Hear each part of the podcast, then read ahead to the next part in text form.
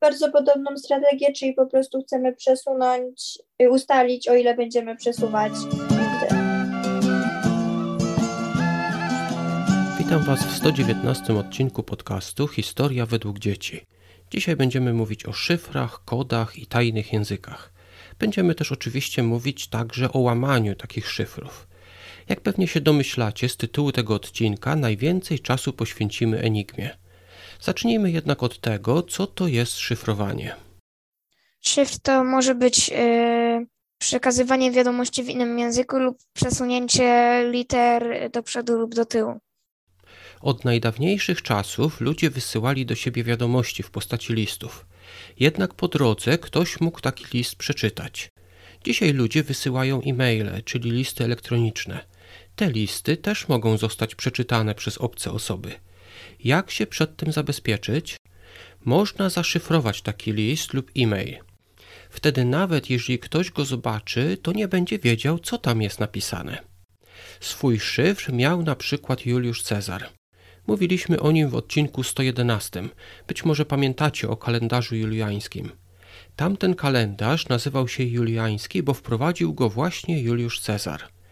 Prowadził on wiele wojen i musiał wysyłać listy do swoich oddziałów, które były daleko. Jego wrogowie mogli jednak przechwycić takie listy i poznać sekrety Cezara. Aby się przed tym zabezpieczyć, miał on swój szyfr, który nazywa się szyfrem Cezara. Na czym on polegał? Że jak miał alfabet, to przesuwał o trzy, czyli na przykład A było D, a B było E. Alfabet przesuwano wtedy o trzy litery i na przykład litery ABC zmieniały się w litery D, E, F. Na przykład słowo kot. K zmieniało się w N, O zmieniało się w R, a T zmieniało się w W. Tak więc Cezar zamiast pisać słowo kot pisał NRW. Czy jednak to jedyny sposób szyfrowania? Aby zrozumieć, jak jeszcze można zaszyfrować wiadomość, pomoże nam pewien kamień znaleziony w Egipcie, w Afryce oraz pewne plemię Indian z Ameryki Północnej. Zacznijmy od kamienia z Rozetty. W starożytnym Egipcie ludzie zapisywali wszystko przy pomocy hieroglifów, czyli takich malutkich rysuneczków, na przykład ptaszek, fale, oko, krowa. Nikt nie potrafił odczytać tych hieroglifów, tylko ci ludzie, którzy znali to pismo. Niestety wszyscy ci ludzie już dawno umarli. Jak więc odczytać hieroglify? Zauważcie, że dla nas jest to szyfr. Jak więc złamano ten kod? Jak odczytano hieroglify? E, kamień z rozety umożliwił czytanie hieroglifów, bo na początek był napisa- zapisany w hieroglifach, później był napisany w języku egipskim, a później był napisany w języku greckim. Na tym kamieniu trzy razy zapisano to samo. Najpierw przy pomocy hieroglifów, czyli takich malutkich rysuneczków, potem przy pomocy pisma egipskiego, a na koniec literami greckimi. Ale dlaczego w Egipcie był kamień, na którym pisano hieroglifami oraz pisano po grecku? Yy, dlatego, no bo Kleopatra pochodziła właśnie z Grecji. Ostatnia królowa Egiptu, która była żoną Juliusza Cezara, była z pochodzenia Greczynką, ale rządziła w Egipcie.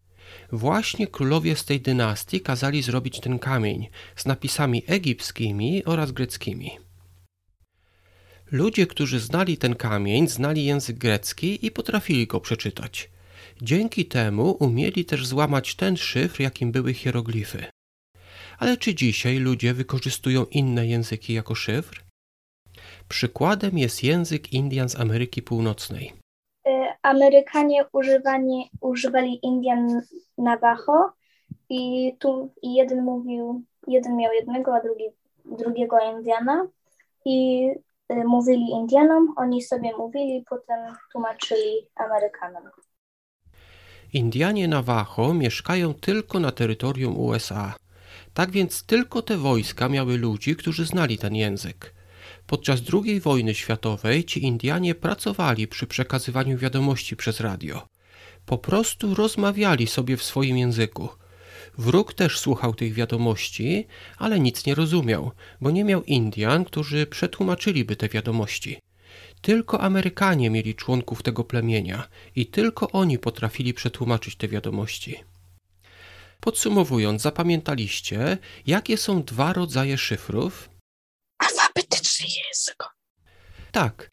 Możemy zaszyfrować w ten sposób, że będziemy zamieniać literki miejscami, na przykład zamiast literki A będziemy pisać literkę B, to jest taki szyfr alfabetyczny. Możemy też skorzystać z obcego języka. Jeżeli przetłumaczymy coś na język, którego nie rozumieją inni ludzie, to tylko my będziemy rozumieć, co jest napisane w danym liście, w danym języku. Teraz zajmiemy się tym, jak łamać takie szyfry. Jest taka dziedzina matematyki, która zajmuje się łamaniem szyfrów. Czy wiecie, jak się nazywa ta część matematyki? Yy, kryptologia. Ale czego potrzebują kryptolodzy, aby złamać taki szyfr? Ym, Potrzeba jest, potrzeba dużo listów. Jak masz dużo szyfrów, to możesz potem wykombinować, jaki jest. I dużo czasu potrzeba. Dzisiaj szczególnie zajmiemy się maszyną szyfrującą, która się nazywała Enigma. Co o niej wiemy? Wymyślono ją w Niemczech. Enigmę zbudowali Niemcy. Później zaczęło jej używać wojsko niemieckie. Ale czy wiecie, co znaczy ta nazwa? Co znaczy słowo enigma? Zagadka. Enigma to z języka greckiego zagadka. I rzeczywiście szyfr enigmy był bardzo trudną zagadką do odgadnięcia. Jak działało szyfrowanie przy pomocy enigmy?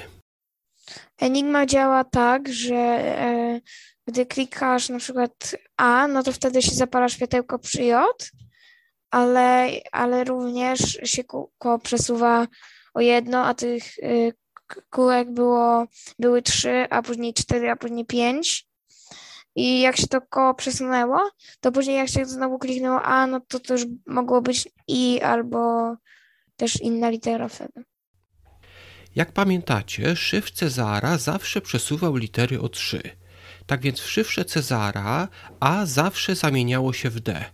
Tak więc gdy ktoś napisał AAA 3 razy A, to wyszło DDD 3 razy D. Niestety Enigma po każdym naciśnięciu zmieniała to, o ile przesuwał się alfabet. Tak więc gdy pierwszy raz nacisnęło się literę A, mogła się ona zmienić w literę J. Ale gdy drugi raz nacisnęło się literę A, to zmieniało się na przykład literę M. Właśnie to sprawiało, że bardzo trudno było złamać kod Enigmy. Kto złamał ten szyfr? Dokładnie nie pamiętam, którzy Polacy, ale wszyscy pochodzili z, Poz- z Poznania i mieli e, na, pro, nauczyciela profesora z Lwowa. Na Uniwersytecie w Poznaniu wybrano trzech najlepszych studentów, aby ich uczyć kryptologii. Nazywali się oni Marian Rejewski, Henryk Zygalski i Jerzy Różycki. Ale dlaczego wybrano studentów z Poznania? Dlatego, no bo Poznań był takim dużym miastem najbliżej Niemiec, więc wiedzieli, jak myślą Niemcy i jak, jak mogą po prostu zna, znają ich język, bo gdyby nie znali, no to wtedy na nic im by to nie dało, że złamali szyfr, no bo by nie znali właśnie języka.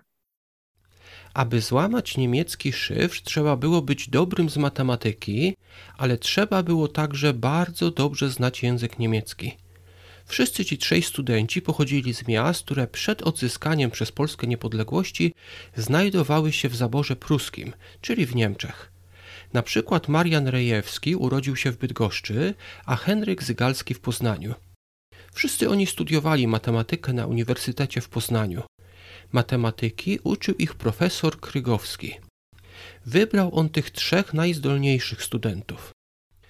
Prace nad złamaniem enigmy rozpoczęły się około roku 1930.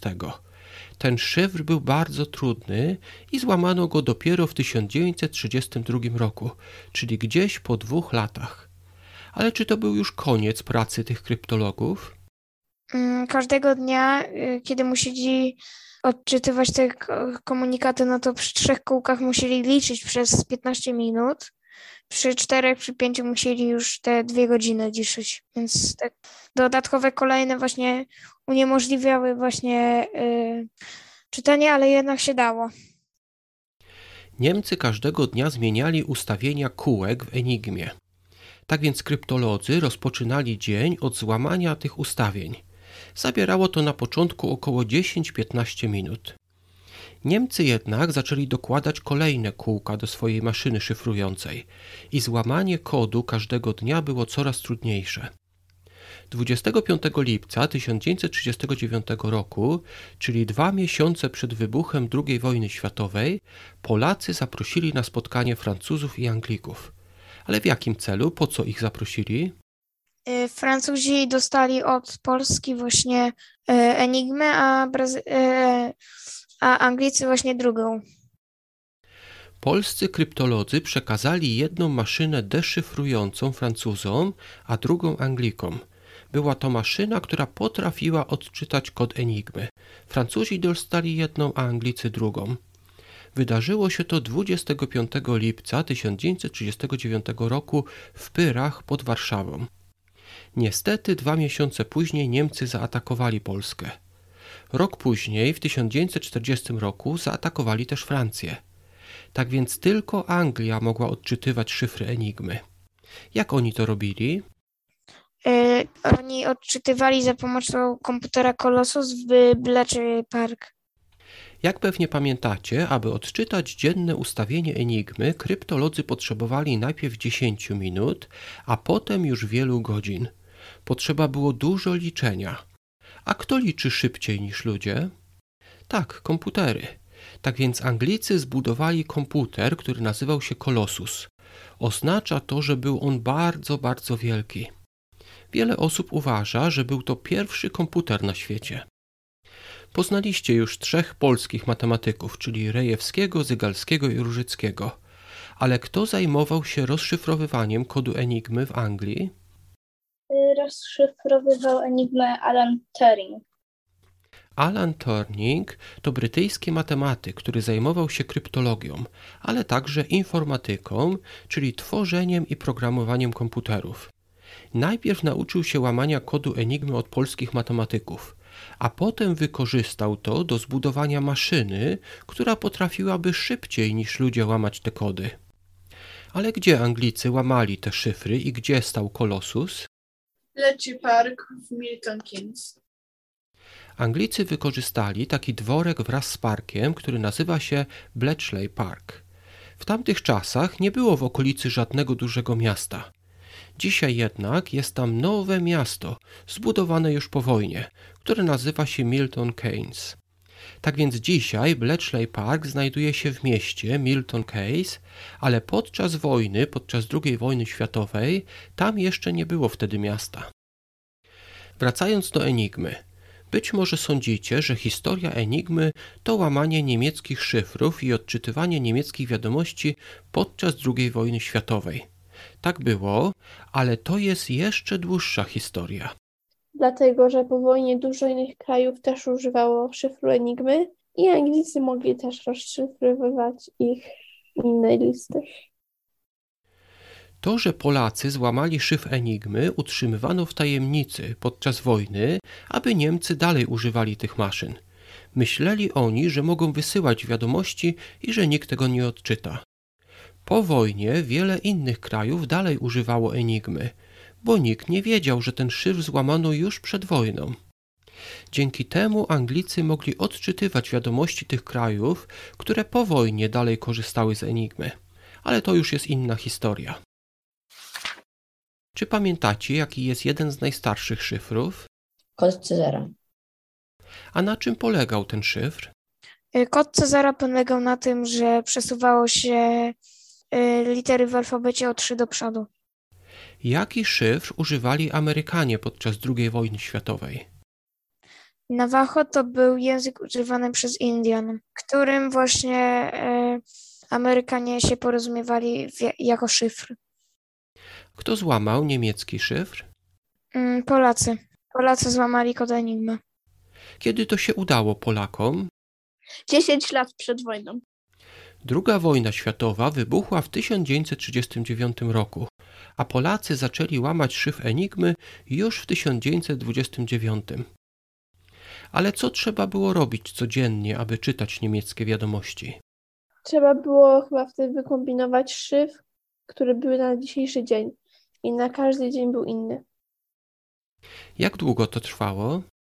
No, najpierw to trwało od 15 minut aż po cały dzień. Szyfr Enigmy był bardzo skomplikowany, ponieważ w tej maszynie były takie trzy kółka i miało takich 26 tak razy mogło się obrócić i za każdym jak się razem obróciło, to o jeszcze bardziej przesuwało niż trzy. Jak się nazywał komputer, który Anglicy używali do łamania kodu Enigmy? Kolosso? Kolosus. Colossus. Na dzisiaj to już wszystko. Odczytywanie kodu Enigmy pomogło aliantom, Anglikom i Amerykanom, pomogło pokonać Niemców. W Bydgoszczy, w mieście skąd ja pochodzę, stoi taka ławka z pomnikiem Rejewskiego, tego matematyka, który złamał właśnie kod Enigmy. Można tam sobie usiąść koło tego pomnika i zrobić sobie z nim selfie. Ja jak zwykle dziękuję Wam bardzo za wysłuchanie i zapraszam niedługo do kolejnego odcinka. Do usłyszenia.